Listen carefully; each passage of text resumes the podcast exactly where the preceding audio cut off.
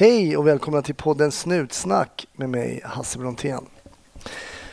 I dagens gäst eh, så hör vi Martin som precis har kommit tillbaks efter tjänstgöring i Almedalen. Och eh, för dig som efterlyssnar på det här så är det så att vi sänder det här alltså tisdagen efter Almedalen så det är lite högaktuellt när det kommer ut men det är väl ändå intressant för dig som lyssnar lite senare. Glöm inte att gilla Snutsnack på Facebook där jag eh, uppdaterar med lite annat utöver eh, avsnitten så att säga. Alla där ute, var ni än befinner er, var försiktiga och ha en riktigt trevlig lyssning. 1310 1070 kom. 1310 Odengatan kom. Ja, det är uppfattat. Vi tar det. Slut. Bra. Klart slut. Ja, välkommen till Snutsnack Martin. Tack så mycket. Jag har precis eh, sladdat upp på din uppfart här och du är också nyss hemkommen från tjänstgöring i Almedalen. Jajamensan, det stämmer. Hur var det? Ja, det, var, det här är min andra kommendering i, i Almedalen. Och det, är, det är ny, ny lärdom varje gång man, man åker dit och även så den här gången. Det är långa arbetspass och det är väldigt speciellt att, att vara där. Det är ett stort politiskt arrangemang. Ja, men jag förstår det. Jag har följt eh, Almedalen från distans då via media och via sociala medier också.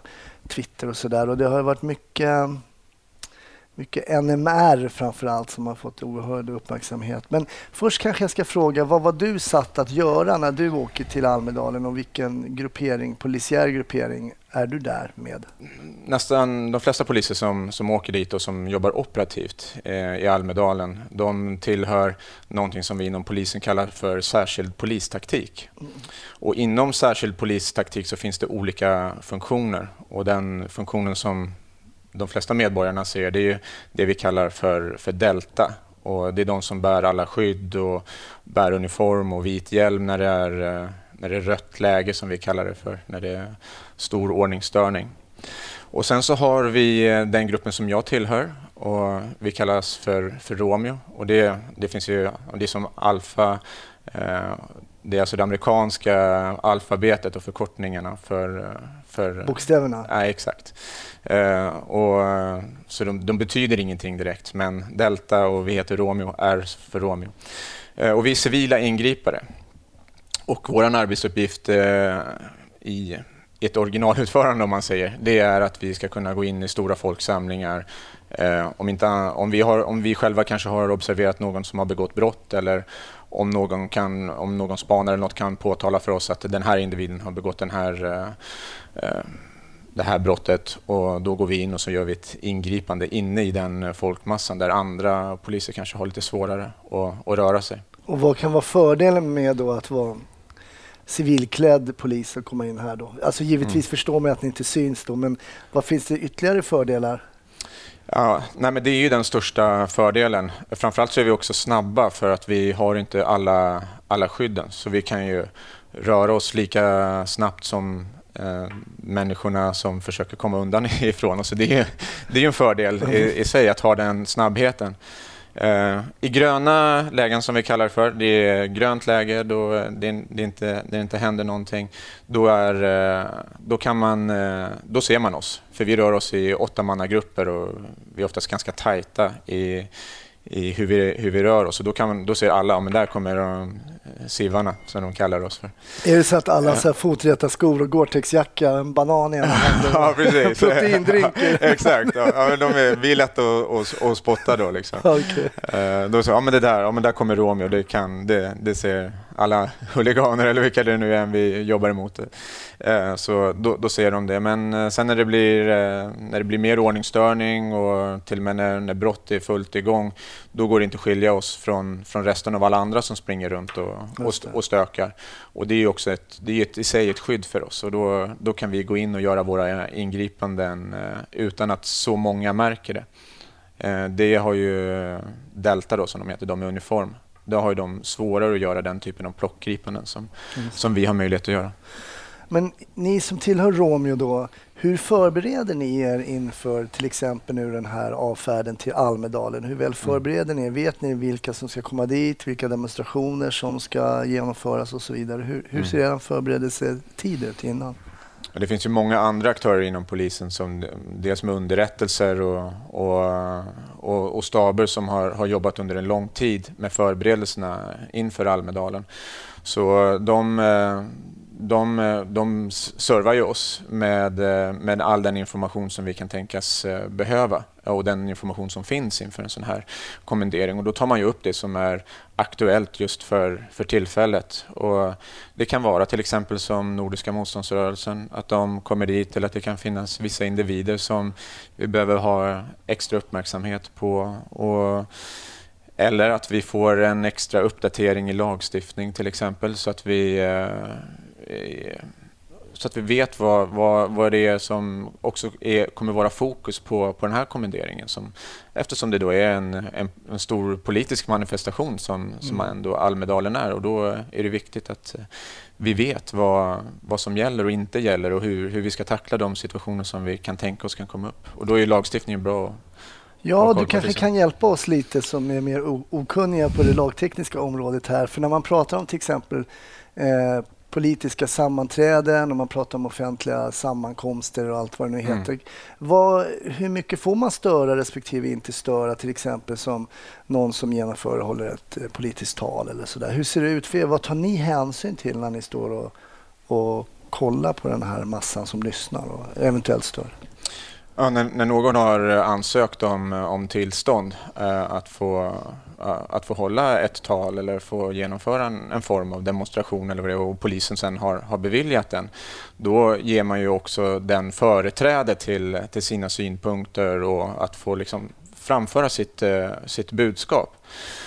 Eh, och då är, ju, då är det, det det första fokuset för, för oss. Att, att skydda den här, de här personerna eller den här organisationen eller vad det nu kan eh, vara. Att eh, de ska få ha rätt till sina grundlagsstiftade rättigheter.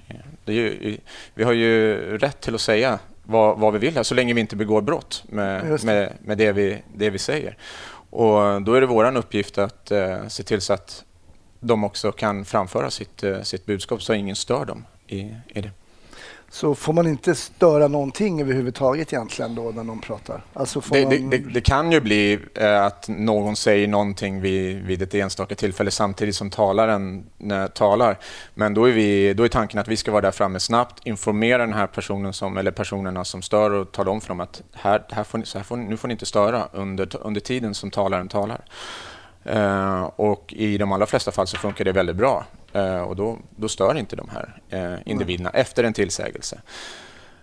Fortsätter de att störa efter det, då, då får man kanske flytta på de här personerna och då får man använda, använda fysisk kraft kanske för att flytta på dem och då kan man ställa bort dem en, en bit bort där de inte kan störa eh, talet.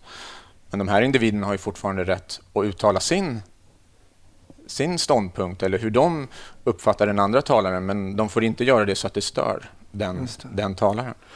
Men till exempel, vi pratade lite innan här. Annie Lööf eh, till exempel höll ju, höll ju sitt tal där i Almedalen och då var det väl folk från, om det var ja, från NMR eller någonting Mm. som, som brölade lite. Då tystnade hon, så sa hon eh, okej, nu låt oss eh, lyssna lite på de här eh, människorna. Ja, precis. Vad händer då, då när hon ger dem så att säga luft?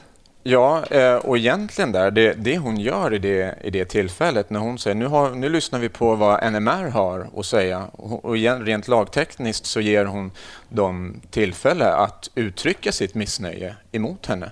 För så länge inte hon har något budskap att framföra själv och är tyst så får också i det här fallet då hade NMR tillfälle att, att uttrycka det de ville. Eller vilken som helst som, hade, som skulle vilja säga någonting om Annie Lööf, om, om, om hennes politik eller vad det kan vara. Hade hon däremot pratat eh, hela tiden eh, och eh, de som var motståndare till henne under den tiden hade pratat, då hade de kunnat göra sig skyldig till brott till exempel. Eller åtminstone få ytterligare en tillsägelse eller flyttas därifrån. Vad blir det för brott om vi säger att jag står och brölar och sen säger ni till mig nu får du sluta så gör jag inte. Jag bara står och skriker och skriker och ni får ta mig därifrån med kraft. Jag fortsätter och vad blir det för, vad är brottsrubriceringen på något sånt? Uh, ja, det kan ju bero lite från tillfälle till tillfälle vad, vad det är du har, alltså hur du har gjort det för att, uh, för att störa. Men uh, ofta så handlar det om att det är någon form av ordningsbotsbrott. Så det är ju det är ett, det är ett, på, på straffskalan så är det ett väldigt lågt brott sett så. Men däremot så är det klart, det ska ju vara en anmälan och man ska rapporteras för, för den brottsligheten som det, det beror ju från situation till situation hur man har begått. Men det är ett lä är lägre straffskalan kan man säga. I alla fall.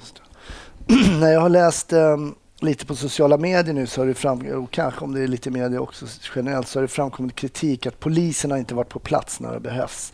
Mm. Min känsla lite grann har varit det att de här människorna vill ungefär att polisen ska vara snabba, snabba no, lika snabba ungefär som de får eh, bubbel när de kommer till ett seminarium. Mm. Bara man knäpper med fingret så ska polisen vara där. Och det här mm. är intressant för många som ringer polisen idag ute i samhället, då kommer inte polisen överhuvudtaget på någon timma därför att det inte finns resurser. Mm. Den här kritiken som riktades nu mot polisen i, i Almedalen, hur, hur ser du på den?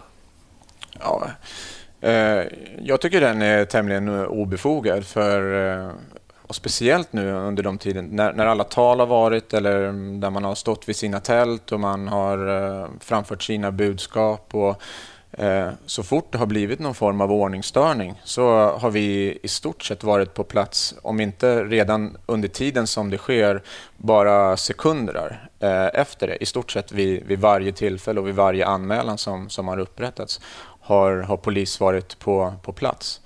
Och, eh, vi rör ju oss, vi rör ju också civilklätt och det, det, är det som kanske folk inte ser heller, att polis faktiskt är på, på plats. Och det har ju varit mycket argumentationer och så på, på gatan och eh, spontana allmänna sammankomster som, som har kommit till. Och, eh, I vanliga fall har ju, är ju polisen ganska tuff med att, att flytta på folk men eh, Almedalen är ju också ett, ett speciellt tillfälle för det är ju... Man vill ju få fram samtalet. Almedalen är ju till för att eh, alla ska få uttrycka sina åsikter mm. och allting ska få komma fram och det ska kunna vara en, en diskussion. Och det har vi inom polisen och speciellt vi inom, på den här kommenderingen gjort allt för, för att att talet ska få komma fram och att åsiktsyttringen ska, ska få, en, få en chans att, att frodas. Just det, precis. Och alla har rätt att yttra sin åsikt, hur korkad den må vara. Som det ser ut idag i vårt land så är det ju så. Mm. Eh, jag läste på um, sociala medier, bland annat då den före detta partiledaren för eh, Vänsterpartiet eh, skriver ju så här då, riktar kritik mot polisen och Almedalen skriver så här, frågan måste ställas. Har mm. polisens egna politiska åsikter spelat roll i tjänsteutövningen? Och du mm. har ju varit här i Almedalen. Mm. Välkommen till Momang, ett nytt smidigare kasino från Svenska Spel, Sport och Casino där du enkelt kan spela hur lite du vill. Idag har vi en stjärna från spelet Starburst här som ska berätta hur smidigt det är. Jaha, så smidigt alltså.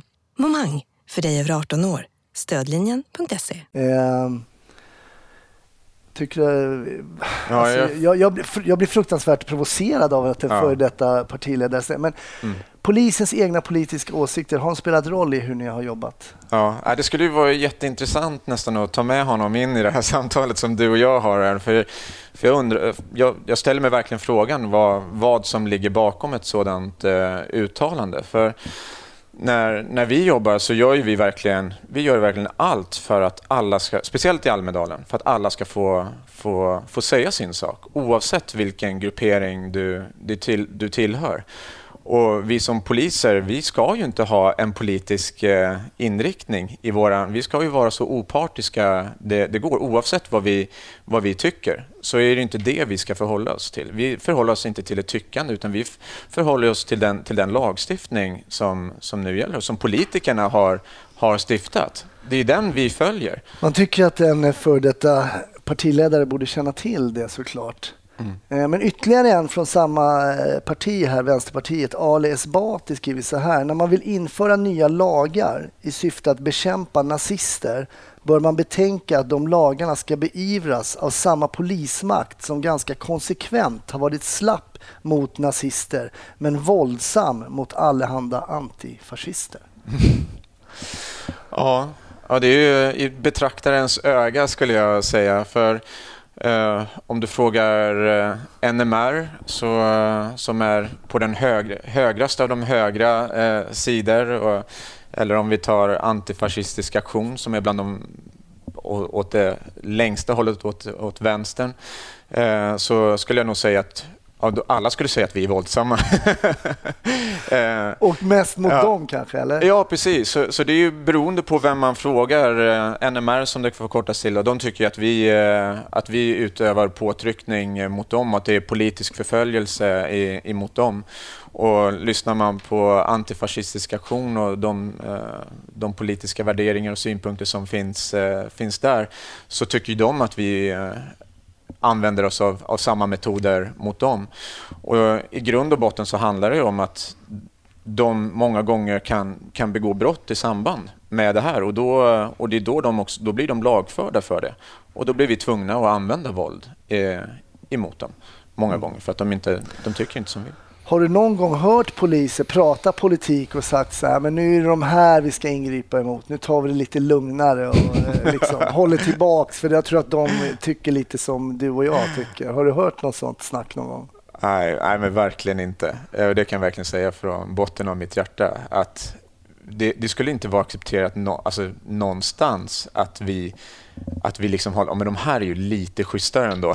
De här, de här delar vi lite med, med, vi håller lite med, mer med nazisterna, eller vi håller lite mer eh, med, med de här.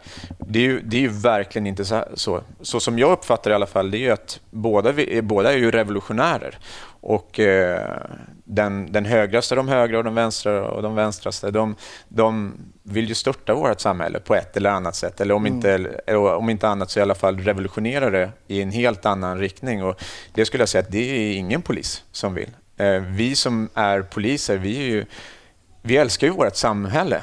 Och Det är ju en av anledningarna till att vi har blivit poliser, för att vi vill skydda det här samhället för att vi, för att vi älskar det och tycker att det är värt att, mm. att skydda, till och med till, med våra liv, om det krävs. Jag blir så besviken på folkvalda, nu är inte Lars Ohly folkvald längre, men i alla fall Ali Esbati, att en folkvald politiker inte känner till hur välutbildad en svensk polis är och mm. hur professionell en svensk polis är i sitt, i sitt yrkesutövande. Och det gör mig lite, ja, men lite bestört att höra en, en politiker uttala sig på det sättet. Jag tycker man kan rekommendera kanske ett besök på Polishögskolan eller åka han, han kan få åka med en av eh, våra Romeobussar under eh, ja. under valkommenderingen kanske, så kan han få se hur vi, hur vi jobbar. Så det kanske skulle vara intressant. Ja, det skulle vara väldigt intressant och eh, tror jag nyttigt Uh,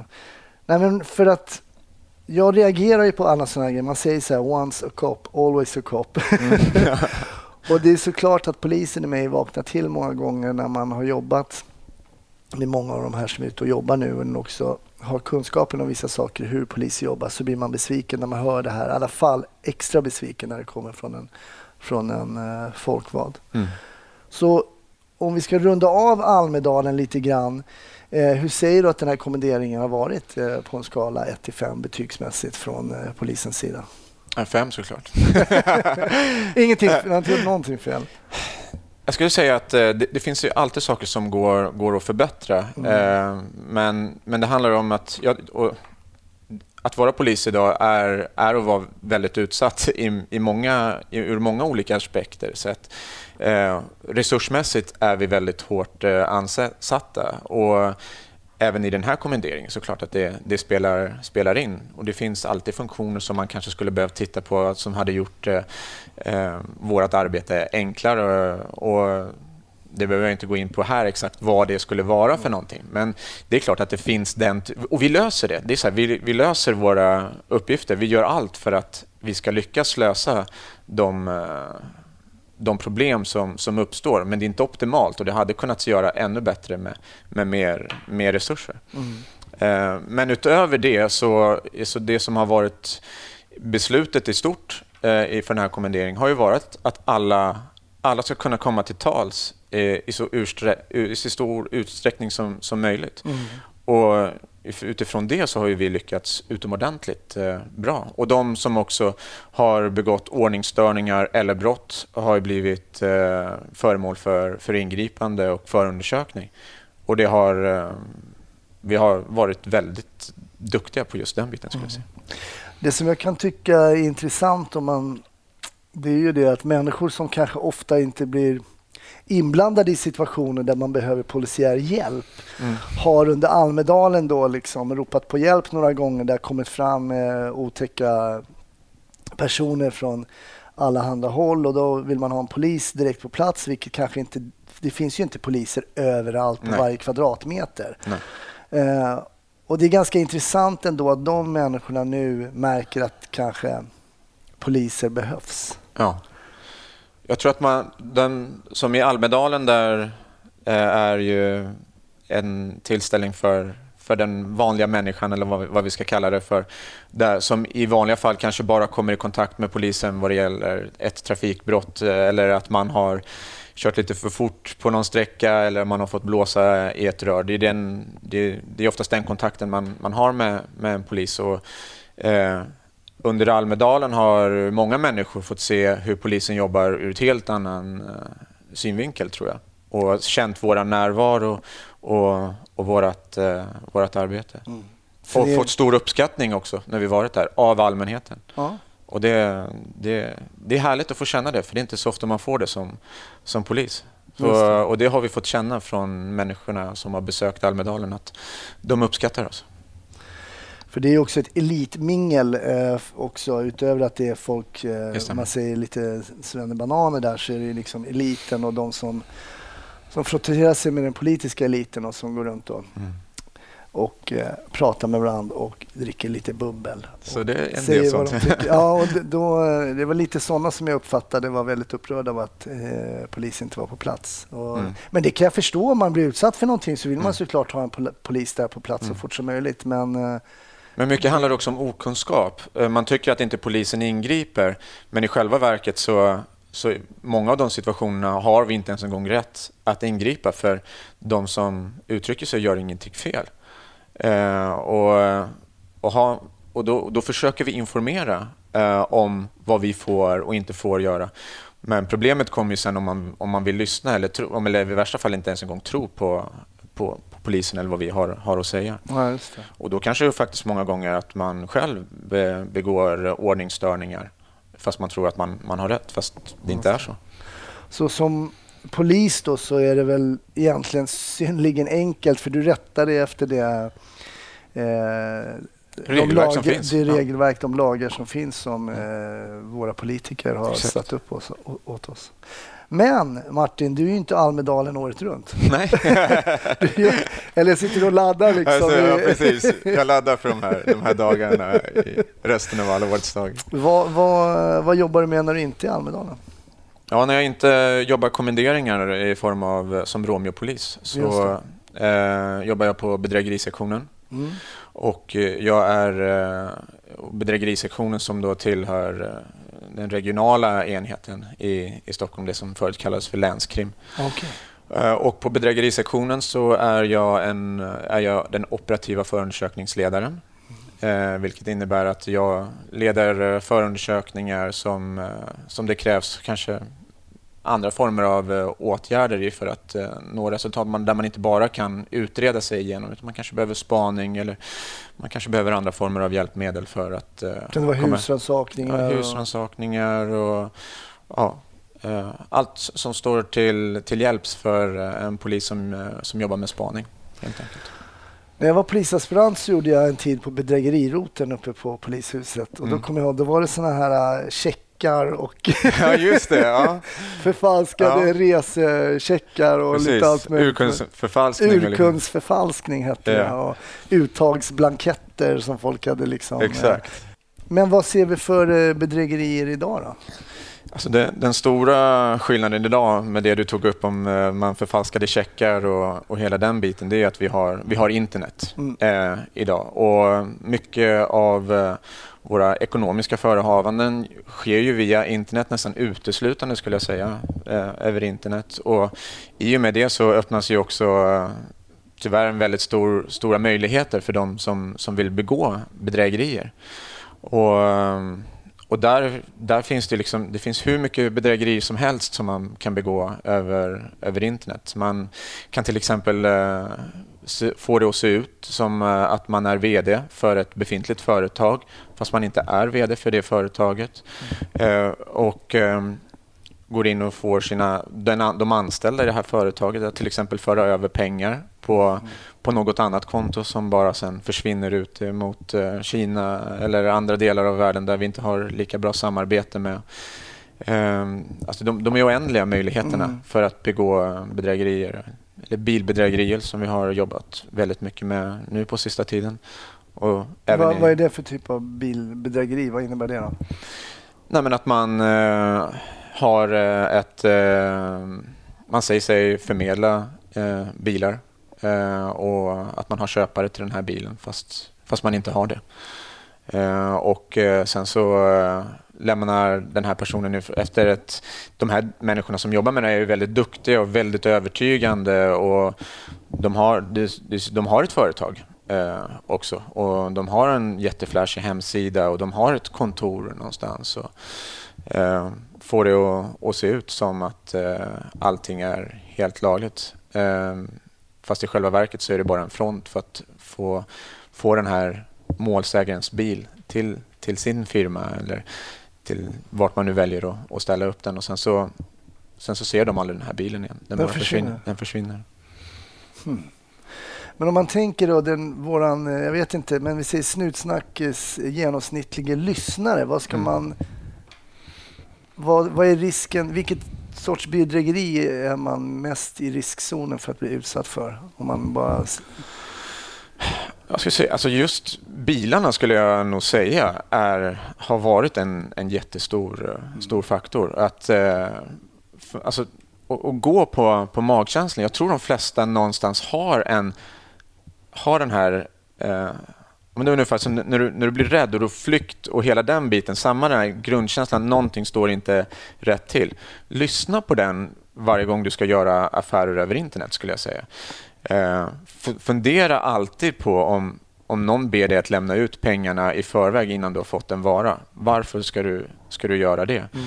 Eh, och att man har, att man har, de här grund, att, att man har det grund, grundtänket. Sen är det så att alla kan bli lurade. Mm. Eh, det, det, går i, inte att skydda sig eh, alltid Nej. mot det, för de är också så väldigt duktiga och så Alltså de som är riktigt duktiga Charmiga, på det här. Charmiga, man, man, har, man, man tror att det ska vara någon eh, kille med, som är tatuerad i ansiktet eh, med en AK47 i, i pannan, eh, automatkarbin 47. eh, och att det är så en, en kriminell ser ut. Men mm. det är ju inte det, utan de ser ut som, som du och jag och är väldigt duktiga på att föra sig eh, och sociala och klär sig fint. och men, men grunden är ge aldrig, ge aldrig ut ditt... Eh, ge, ge aldrig ut dina pengar till något när du inte fått varan. Om du kan, om du kan följa det i, i, de, i de flesta av fallen så, så är du mer eller mindre säker. Framförallt skriv inte över bilen på en firma eller någonting innan du har, har fått pengar.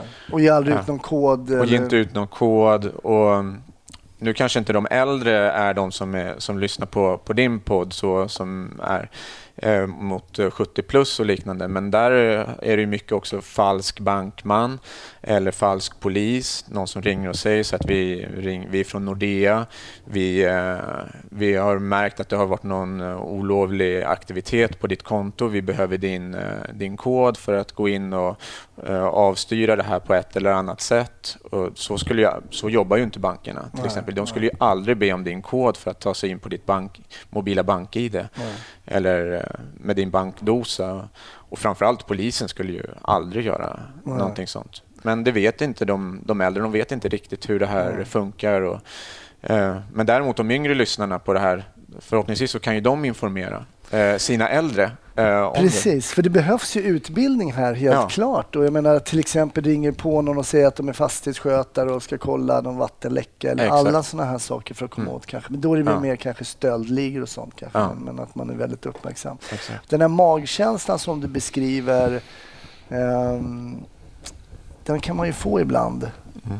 kanske får en extra mycket om man har jobbat som polis i många år. Men, men du tycker att man ska gå, då ska man backa undan, ta ett varv till och, och liksom verkligen kolla upp grejer.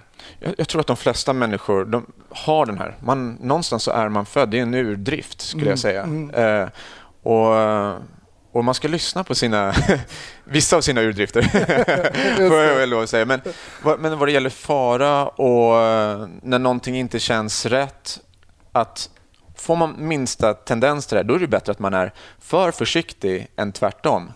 Många gånger så vill ju vi, vi vill ju tro på människor. Vi vill inte tro det värsta eh, om någon.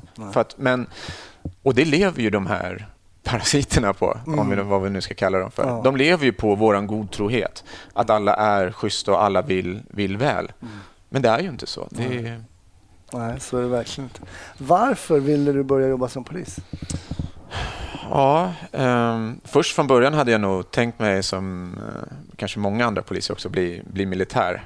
Eh, det började ju med när jag gjorde lumpen då på K4 i, i Arvidsjaur. Och jag, alltså jag älskade det, det livet som var ordning och, och struktur och få jobba hårt med kroppen och tyckte det var, det var, det var roligt. Ehm, men eh, när jag muckade sen och, så har ändå polisen ändå alltid funnits där. Det har varit en ja, men lite fascination eh, att få, få jobba med, med den biten. Och jag har alltid varit som övertygad om... Alltså, mitt rättspatos har, har alltid varit starkt. Alltså, Var kommer det ifrån då? Jag vet inte, mamma kanske? Ja, det kan Ja. det vara så. Alltså. Nej, att när, när andra blir utsatta för orättvisor och det är eh, någon som är starkare än någon annan som utövar påtryckning mot en individ. Det kan ju vara allt från mobbing till, till rena och skära brott. Eh, så eh, jag, tycker att det och om, om jag kan göra någonting åt det, då är alltså det, det har varit, det har varit min, min drivkraft. Så alla som sätter sig över andra och eh, försöker utnyttja dem på ett eller annat sätt, eh, det, att komma åt dem, det är för mig det är, det, är det bästa som finns. Att komma tillbaka. Alltså det, jag, att få sätta dit, eh, eller sätta dit, lagföra. ja, men det, är lite, det är så här pratar ju vi. Det, ju, Ja. det blir ju lite slang, så här, Ja, sätta dit absolut. eller så. Men, Mm, nej, men, att få lag, men att få lagföra de som begår kriminella handlingar och är som parasiter på, på samhället. Det finns inget, det finns inget bättre. Det är den, det är den, det är den bästa av, av löner eller Mm. Nej, jag belöningar. med. Jag såg det som en ren ynnest att Mm. få sätta dit folk som hade be- begått brott och betett sig illa mot andra människor. Det, Mm. det, det, det kändes bra. Mm. Det känns in i, i, i själen. Och det, Mm. Vissa människor ska eh, vara bakom lås och bom. Så är Mm. det faktiskt. och det, man, man, gör ju, det är en, alltså, man får ju verkligen göra skillnad och, Mm. och veta att mina handlingar här nu, det, har, det kommer sätta stopp på den, här, på den här brottsligheten. Och Mm. sen när man kan följa upp det och se också att alltså just den här nischen av brottsligheten har faktiskt upphört i princip här nu. Mm. Sånt kan jag få uppleva i mitt jobb. Man kan påverka alltså. Ja.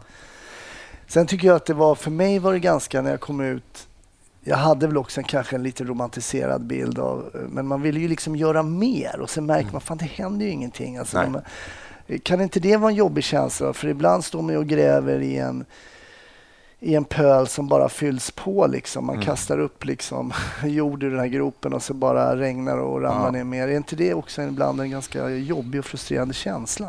Det är en extremt frustrerande känsla. Och, men jag försöker å andra sidan se det som... ah, Jag har ju förmånen i mitt yrke att få jobba riktat mot en viss typ av kriminalitet. Eh, och jag har förmånen att, att få välja ärenden att jobba med. Och, och även få med mig en resurs. Som man säger, här är resursen som du får styra över. Och gör det bästa av, eh, av sitt, av, av, mot det här brottet med den här resursen. Och eh, om det, inte blir, om det inte blir bra eller om inte det blir någon effekt av det, då vet jag att då har inte jag gjort riktigt rätt och då är det bara på det igen och då får jag en möjlighet att, att jobba utifrån nya anfallsvinklar i, istället. Så även om det kan kännas tungt och hopplöst många gånger så, så känns det som att man gör man det bara tillräckligt bra till slut så får man eh, resultat. Och, och, så är det för med många av mina kollegor också som jobbar mot annan kriminalitet, om det är mot vapen eller narkotika. Och vi, vi som jobbar med, med de här bitarna, vi känner många gånger att vi gör faktiskt en enorm skillnad och att det blir resultat av, av vårt jobb. Det som jag kände också som var viktigt för mig, det var också att ha bra chefer som peppade mig mm. och som stod bakom mig. Mm. Och därför i en förlängning, så när vi pratade tidigare här om politiker, så är det också viktigt att ha stöd från politiskt håll. För det är ju de som till syvende och sist, de, mm. det är de som stiftar våra lagar och, och så vidare. Och därför tycker jag det är så tråkigt när politiker och folkvalda inte visar den här stöttningen. För det, det behövs hela vägen. Eh, tycker jag. Och sen så får man alltid Det är klart att det finns poliser som är, är värdelösa poliser och de vill man ju inte ska vara på gatan. De ska Nej. ju bort så fort vi upptäcker ja. dem. Och så kommer det å andra sidan alltid vara inom, inom alla olika yrkesgrupper så kommer det alltid finnas de som, som gör bort sig eh, eller inte som inte, lämpa, ja, inte lämpade för ja. arbetsuppgiften. Och det kommer gälla såväl polisen som läkare, jurister, politiker. Mm. Och det är en del av att vara människa också. Vi är inte ofelbara i, i alla lägen och mm. vi gör fel. Men förhoppningsvis så lär vi de, de flesta mm. av de här mm. misstagen. Ja, precis. Jag brukar alltid be min gäst ta med sig en egen personlig historia ur sitt uh, yrkesliv som polis. Och jag har ju bett dig också Martin. Och mm. Jag vet när vi pratade på telefon så var det lite så ah, jo men kanske jag har en här eller två. men då, jag antar att du kanske har bestämt dig, jag vet inte. Ja, något som har påverkat mig i min, i min karriär, eller hur? Ja, påverkat till, på ett eller annat sätt. Du får egentligen bestämma om mm. du... Mm. Alltså jag skulle säga egentligen så har ju alla händelser mer eller mindre eh, på, påverkat mig. För så är det för de flesta eh, poliser. Mm. Eh, och sen så har jag kanske genom min eh, karriär på 14 år så eh, har jag väl varit med om en stort antal grejer som jag har varit med om. Eh, lite av en skitmagnet ibland kan man väl säga. Men jag, jag, jag tänkte efter. Jag, Drottninggatan till exempel. Mm. Eh, jag var en av de första poliserna som var, var på plats där. Okay. och det det, det, har format mig och jag har lärt mig lite nytt av mig själv. Hur kom det sig att du kom? Var, var, du, var befann du dig när det här hände? Eh, jag var på Kungsholmen. Eh, stod eh, framför min dator. Vi hade, om jag kommer inte ihåg om vi hade förberett oss för att gå, åka ut och göra en husrannsakan eller om vi precis hade gjort det. Men jag, jag var i, i princip färdigutrustad för att, för att sticka ut. Och sen så hör jag hur någon i korridoren ropar att Eh, kolla Aftonbladet, för vi har inte radion påslagen. Mm. Och bara och drar upp Aftonbladet och eh, ser ju då att eh, det är en lastbil som eh, har kört på, på Drottninggatan. Och för mig som eh, också har utbildat i eh, taktisk konflikthantering och liknande där man pratar mycket om mental förberedelse. jag, tänker, jag tänker direkt terror. Det är, det, det är den första tanken som, som slår mig. Mm. Eh, I samband med det kommer det in en kollega på, på mitt rum eh, och är helt förstörd och eh, säger att eh, hon har eh, sitt barn eh, i närheten av, av Drottninggatan. så jag tar med henne och vi åker ut en bil och vi åker till, ut, mot, ut mot Drottninggatan från Kungsholmen. Så Kungsholmsgatan och sen så bara raka vägen in. Och eh, mental förberedelse där är ju liksom A och O. Är, jag har ju själv utbildat andra poliser hur viktigt det är att man har tänkt sig in i den här situationen, hur man vill agera när man väl hamnar i den. För det är så vi tänker när vi hamnar in, inte om, utan när vi väl är där. Är du redan mentalt förberedd då? Eller gör du någonting när du sätter dig i bilen tillsammans med din kollega på väg ut? Gör du någonting då som triggar igång den här förberedelsen? Eller hur går det till? Ja, jag börjar ju spela upp scenarion i, i huvudet. Vad, eh, vad kan jag möta när, när jag kommer dit? Kommer det vara många döda? Det kommer vara lemlästade människor? Eh, kommer, jag, kommer jag möta gärningsmannen när jag åker, när jag åker fram? Hur ska jag agera mot den, den här typen av, av gärningsman som jag kan tänka mig att det är att jag ska, ska möta? Eh, vad händer om jag blir beskjuten? Hur, hur ska jag bekämpa tillbaka? Och massor med sådana tankar eh, snurrar. Och det har jag gjort många gånger tidigare för att jag har spelat upp sådana här scenarion i huvudet. För att om jag inte har tänkt den här tanken innan och förberett mig på den i huvudet. Så den dagen jag står framför en sån situation så kommer jag, med, om jag inte har tänkt tanken innan, så kommer jag inte veta hur jag ska göra. För då kommer, eller jag kommer ha en väldigt mycket längre startsträcka. Mm. Eh, och, och så var det ju faktiskt här på, på Drottninggatan. Vi visste ju inte vad det, I det läget så vet vi inte vad som... Ni hade bara information från Aftonbladet egentligen i det här läget? Eller hade ni ja, sen så hämtade jag ju radion och sen så visste jag att det är stort skadeutfall och jag hörde och det är kaos på radion. Alla pratade liksom... Man fattar ja, att det, det, här, det, här är, det här är på riktigt. Men å andra sidan har man hört stök över radion förut och det är inte förrän man hamnar i, eh, i i smeten så att säga. Mm. Som man kan säga att nu, nu vet vi att det är på riktigt. Och vi stannar väl någon, när vi kommer upp, vi kommer på Kungsgatan och sen så stannar vi eh, någon tvärgata innan eh, Drottninggatan. Och då kommer de ju bär på, på första kroppen. Och då, då, för mig var det liksom, okej, okay, det här, nu är det på riktigt. Mm. Och då var det som att gå in, då, för, för mig var det antingen så kanske man, antingen kanske man mår skitdåligt på och inte klarar att, att agera i en, mm. i en sån situation. Mm. Eh, men eh, för mig var det nog lite tvärtom. Det var som att bara switcha, switcha över. Eh, så jag gick ju in i, i bekämpande Eh, inte den vårdande rollen, för det är inte vår uppgift när vi kommer till, till plats på det sättet. Vår första uppgift är att bekämpa hotet så, mm. att, inte, så att inte det fortsätter så att inte våldet fortsätter och att fler blir, blir skadade. Det är vår största möjlighet att påverka situationen är att slå stopp på, på, den, på den gärningsmannen. Är det pågående dödligt våld. Varför kliver du inte undan här nu då? Du skulle ju kunna, du jobbar ju på bedrägeriroten. Eh, mm. Du kommer in, du ser första kroppen bärs ut, en död människa. Där kan du bara säga, nej men jag är på bedrägeriroteln, jag vill hem till min familj och eh, det här verkar vara terror. Men mm. istället så snäpper du upp och går in. Varför blir det så att du kopplar på det här då?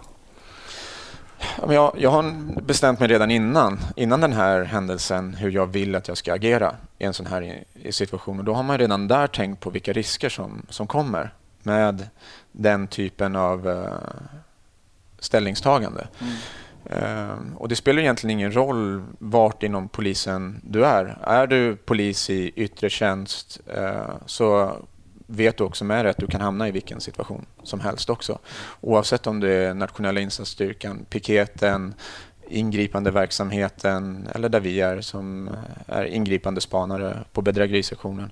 Så så spelar det egentligen ingen, ingen roll. Du måste ha tänkt den här tanken innan och den hade jag redan bestämt mig för och också någonstans accepterat att jag förstår att det kanske låter konstigt när man pratar om det sen, mm. men att jag ändå har bestämt mig för att jag, jag är beredd att offra mitt liv för det här, i det yttersta läget. Du måste ha tänkt den tanken innan. Du kan inte gå in och tro att du kommer vinna alla situationer, att det inte finns någon risk för att man kommer bli skadad eller dödad i, i det värsta av fall. Man måste ha den insikten med sig. Om du väl har kommit så långt i ditt tankesätt att du känner att ja, men det är värt att, att göra det. Det är värt att göra det för, för jag, jag skulle tycka att det kändes värre om jag valde att inte gå in och konfrontera en gärningsman eh, än, att, än att göra det och sen leva med det eh, resten av, av ditt liv. Du hade möjligheten att gå in och göra, göra skillnad, men du valde att inte göra det. För mig är den, den känslan, den tanken, det ställningstagandet värre än att jag går in och väljer att, att verka eh, men sen kanske det ultimata med att jag inte överlever. Okej, okay, och nu har du gått in i det här tänket och kliver fram, vad händer då? Och vad, vad, är det du möter när du kommer fram? Och vad är din kollega i det här läget? Är ni, går ni som en patrull då eller hur, hur gör ni? För hon ja. letar efter sitt barn. Ja, vi särar ju på oss där. Hon, hon hamnar ju liksom helt förståeligt i det som har med hennes barn att, att göra, letar mm. efter sitt barn. Men för mig så blir det helt, jag gör ett ställningstagande där att jag måste bekämpa gärningsmannen. Och eftersom vi är på Kungsgatan och i det här fallet så är nu har ju lastbilen står ju börjat, precis börjat brinna vid, eh, vid Åhléns. Så jag hoppar ju över några döda kroppar och springer i den här eh, oljan som ligger längs med Drottninggatan blandat med, med kroppsdelar. och eh, beger mig framåt mot Åhléns där jag tror att eh, gärningsmannen är. Och i mitt huvud så tänker jag antingen så kommer kanske lastbilen att sprängas eh, eller så har gärningsmannen eh, eller gärningsmännen eh, kommer de att börja skjuta människor. Och då är Åhléns ett ganska bra ställe att, att skjuta människor på. För det finns, man kan inte fly därifrån och, och den skulle kunna vara ett stort skadeutfall eh, där. Så jag springer framåt mot eh, Åhléns men blir stoppad av en kollega och säger att det finns sprängmedel i, i lastbilen och att de håller på och söker. Då precis eh, fyra poliser tror jag det är från ingripande verksamheten som eh, går in och söker Åhléns själva. Eh, sen så kommer det massor med information in till polisen hela tiden. Det är, det är fullständigt kaos. Alla ser vapen överallt och de tror att de hör skottlossning på på Fridhemsplan. Mm. Och I vår värld så är det, då är det det som händer. Om det går ut över radion och skottlossning Fridhemsplan, då vet vi att nu är det ett fullskaligt eh, terrordåd där, där man till och med skjuter ute på Fridhemsplan. Alltså det, då är det ju väl planerat. Mm. Eh, den här attacken på, på Drottninggatan och då börjar det likna Frankrike och de olika syn synkroniserade attackerna som, som var där. Så för oss poliser som var på, på plats så var det när som helst så kommer vi möta gärningsmän med automatkarbiner eh, som kommer att, att bekämpa oss. Mm. Och eh, strax därefter när jag står där vid, eh, vid den här lastbilen eller eh, ungefär 100 meter ifrån den så då, då får vi över radion man med vapen på Hötorget så vi springer, jag får med mig två kollegor och vi springer allt vad vi har mot, eh, mot Hötorget då, på Drottninggatan och viker upp på en tvärgata. Och sen så går vi upp på, på ett ledlinje och, och så tittar vi på varandra lite snabbt och så ska vi ungefär som att ska vi göra, nu ska vi göra det här? Och sen så vet vi att det vi möts av här nu, det kan antingen så sätter vi stopp för det eller så kan det vara det sista vi gör. Det är den känslan man, man har. Mm. Och man ser någon som tittar ut genom ett fönster, någon som är på ett tak som vi såg. Eh, man, är det någon som kommer skjuta på oss därifrån? Men de, alla de här känslorna mm. Processar man i, i, i huvudet och i kroppen hela tiden samtidigt som vi driver i, genom Hötorget och, och tömmer det på, på folk. Så var det ingenting. Men ja, där och då så antagligen så är det någon, någon kollega som de har sett, en mm. polis med, med mm. vapen. Mm.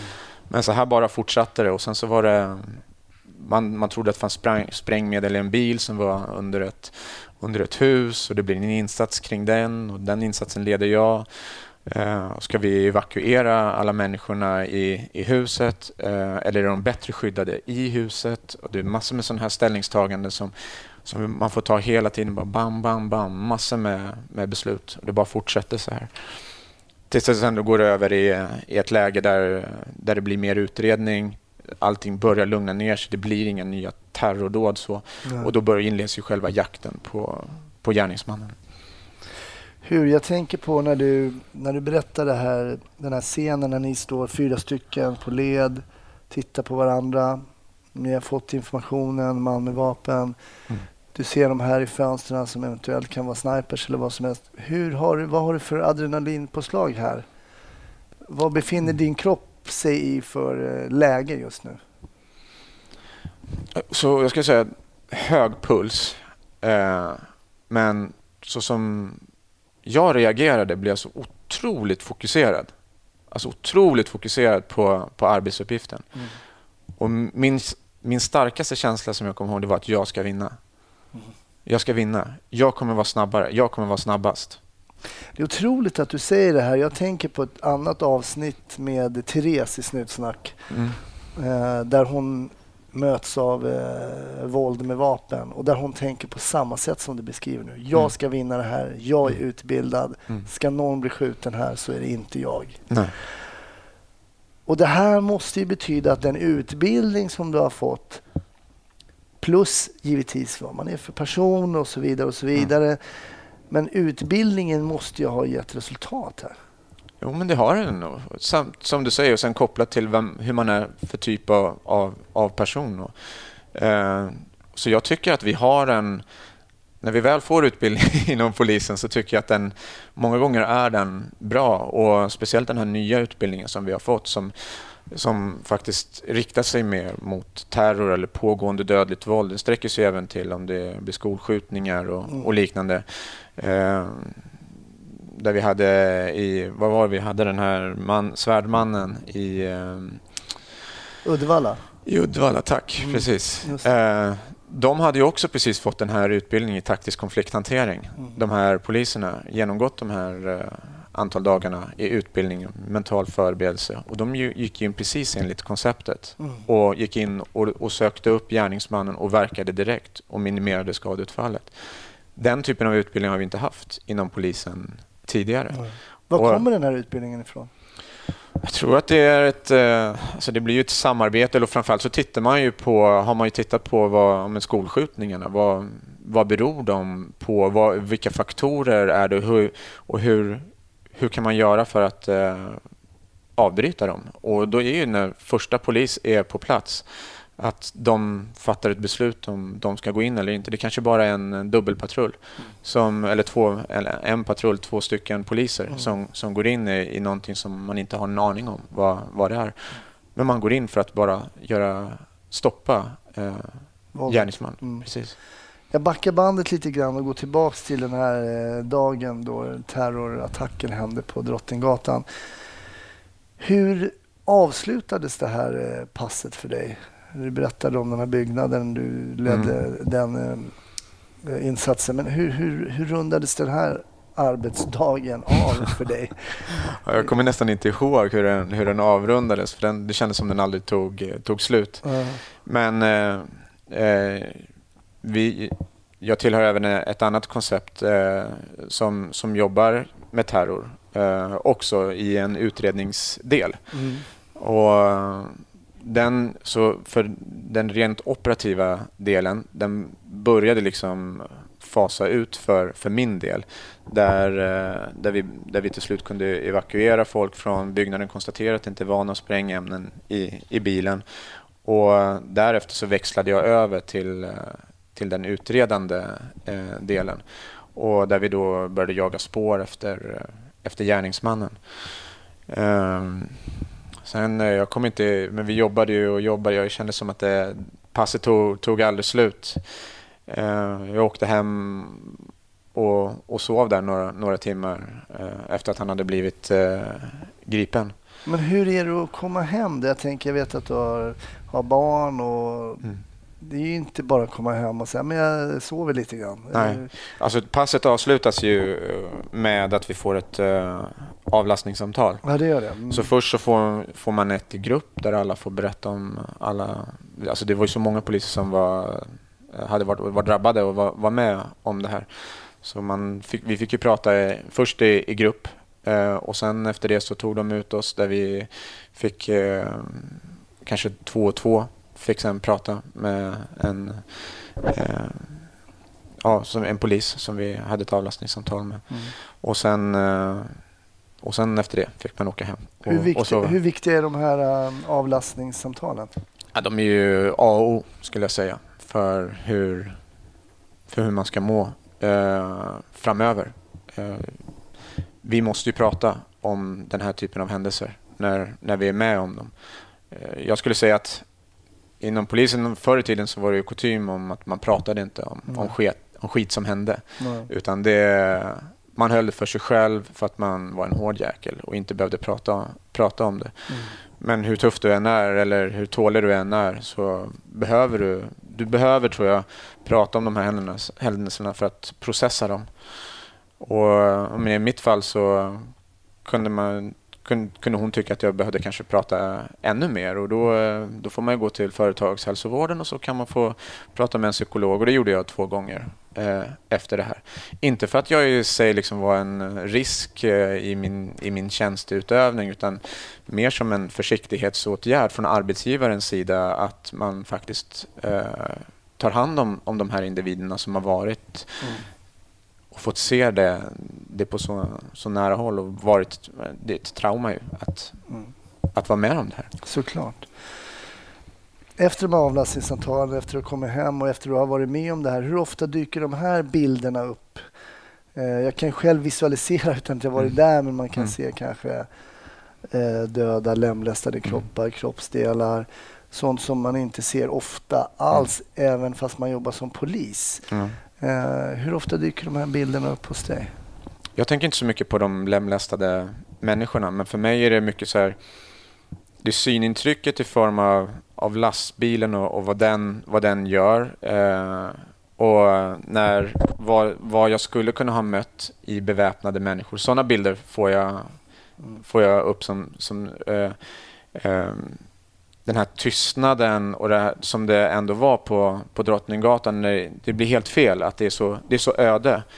Och lukten från hydrauloljan och när jag känner sånt eller om jag går i en gränd eller i en, på en trängre gata och ser en lastbil eh, komma så då får jag, går jag automatiskt upp i, i puls. Det, det är bara den, den kommer per, per automatik. Och då kan man tänka sig de som också var mitt i det här terrordådet. Man ser lastbilar och sånt där, hur, det, hur det kan påverka. Oerhört eh, spännande historia kring en tragisk hä- händelse. Och också fantastiskt med den uppslutning som det var av poliser som kommer in och jobbar. Eh, och också fantastiskt med det. Du berättade att ni fick positiva, positiv feedback av allmänheten i Almedalen. Men Ja. Det fick ni verkligen efter Drottninggatan också, eller Ja, verkligen. Vi, som polis så får du ju inte så ofta eh, höra att du gör ett bra jobb. Du får ju oftast höra att du gör ett dåligt jobb som Mm. polis eller att du skulle göra det på, på ett annat sätt. Men eh, Drottninggatan var ju... Det var lite dubbelt också faktiskt. För många gånger så kan man... Det vi gjorde på Drottninggatan, det är så vi jobbar. Även fast det var en extraordinär händelse.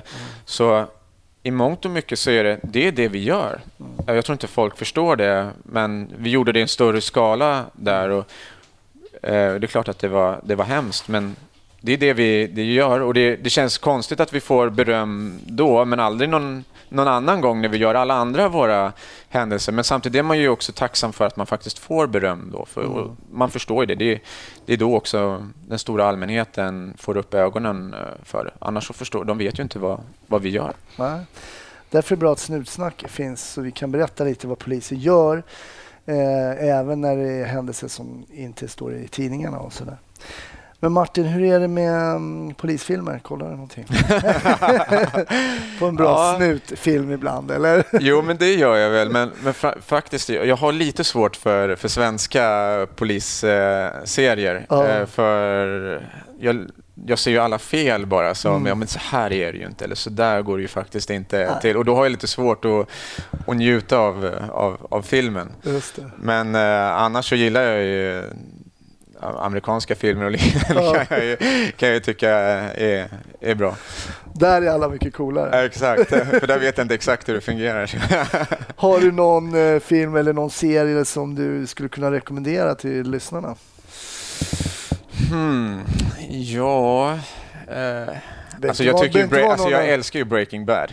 Jag tycker, alltså, den, hela den, eh, den historien, nu har det i och för sig ett tag sedan den gick och den kanske inte är jätteaktuell, men den är ju den är fantastisk, eller hemsk egentligen, och, Mm. om den här högstadieläraren som börjar tillverka eh, crystal meth, eh, metamfetamin och mm, hur han går från den här vanliga mannen i, i förorten till att bli en, en gangsterkung och, och så småningom hans, hans fall också.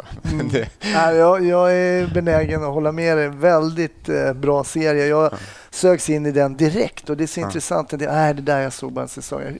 Hur kan man inte gilla Breaking Bad? nej, jag Alltså, förstår inte det heller. Och då finns det de som inte tycker om den? Det fanns ett avsnitt faktiskt som jag tyckte var svagt. Det var med flugan i laboratoriet. Men det om du var- kommer ihåg, det var ett avsnitt när de egentligen bara var inne på det här meth-laboratoriet och så var det en fluga där som man irriterade. Det märkte man att så här, ibland när man gör serier Så att man gör. Precis, Ja. som man så här, vi har samma location, vi gör någonting där och så ska vi komma på något bra i manusväg till nästa exakt. gång. Ja, nej, men jag tycker att ni som inte har sett Breaking Bad, lyd Martins tips här för den är verkligen lysande. Stort tack, Tack eh. Martin för att du var med i eh, Snutsnack. Det var eh, jättetrevligt att jag också fick komma förbi hemma hos dig så vi kunde spela in det här så vi kan hålla Snutsnack levande under semestern. Yes. tack så jättemycket. Tack ska du ha.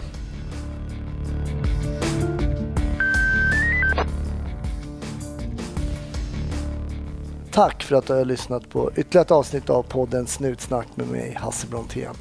Glöm inte att gilla oss på Facebook och glöm inte att följa mig på sociala medier.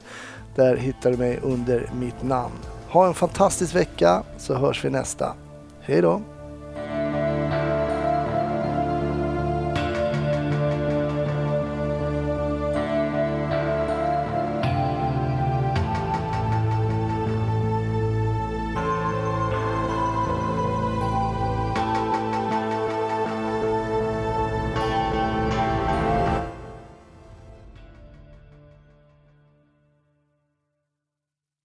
Välkommen till Momang, ett nytt smidigare casino från Svenska Spel, Sport och Casino där du enkelt kan spela hur lite du vill. Idag har vi Gonzo från spelet Gonzos Quest här som ska berätta hur smidigt det är. Sí, es muy excelente y muy rápido. Tack Gonzo! Momang, för dig över 18 år. Stödlinjen.se.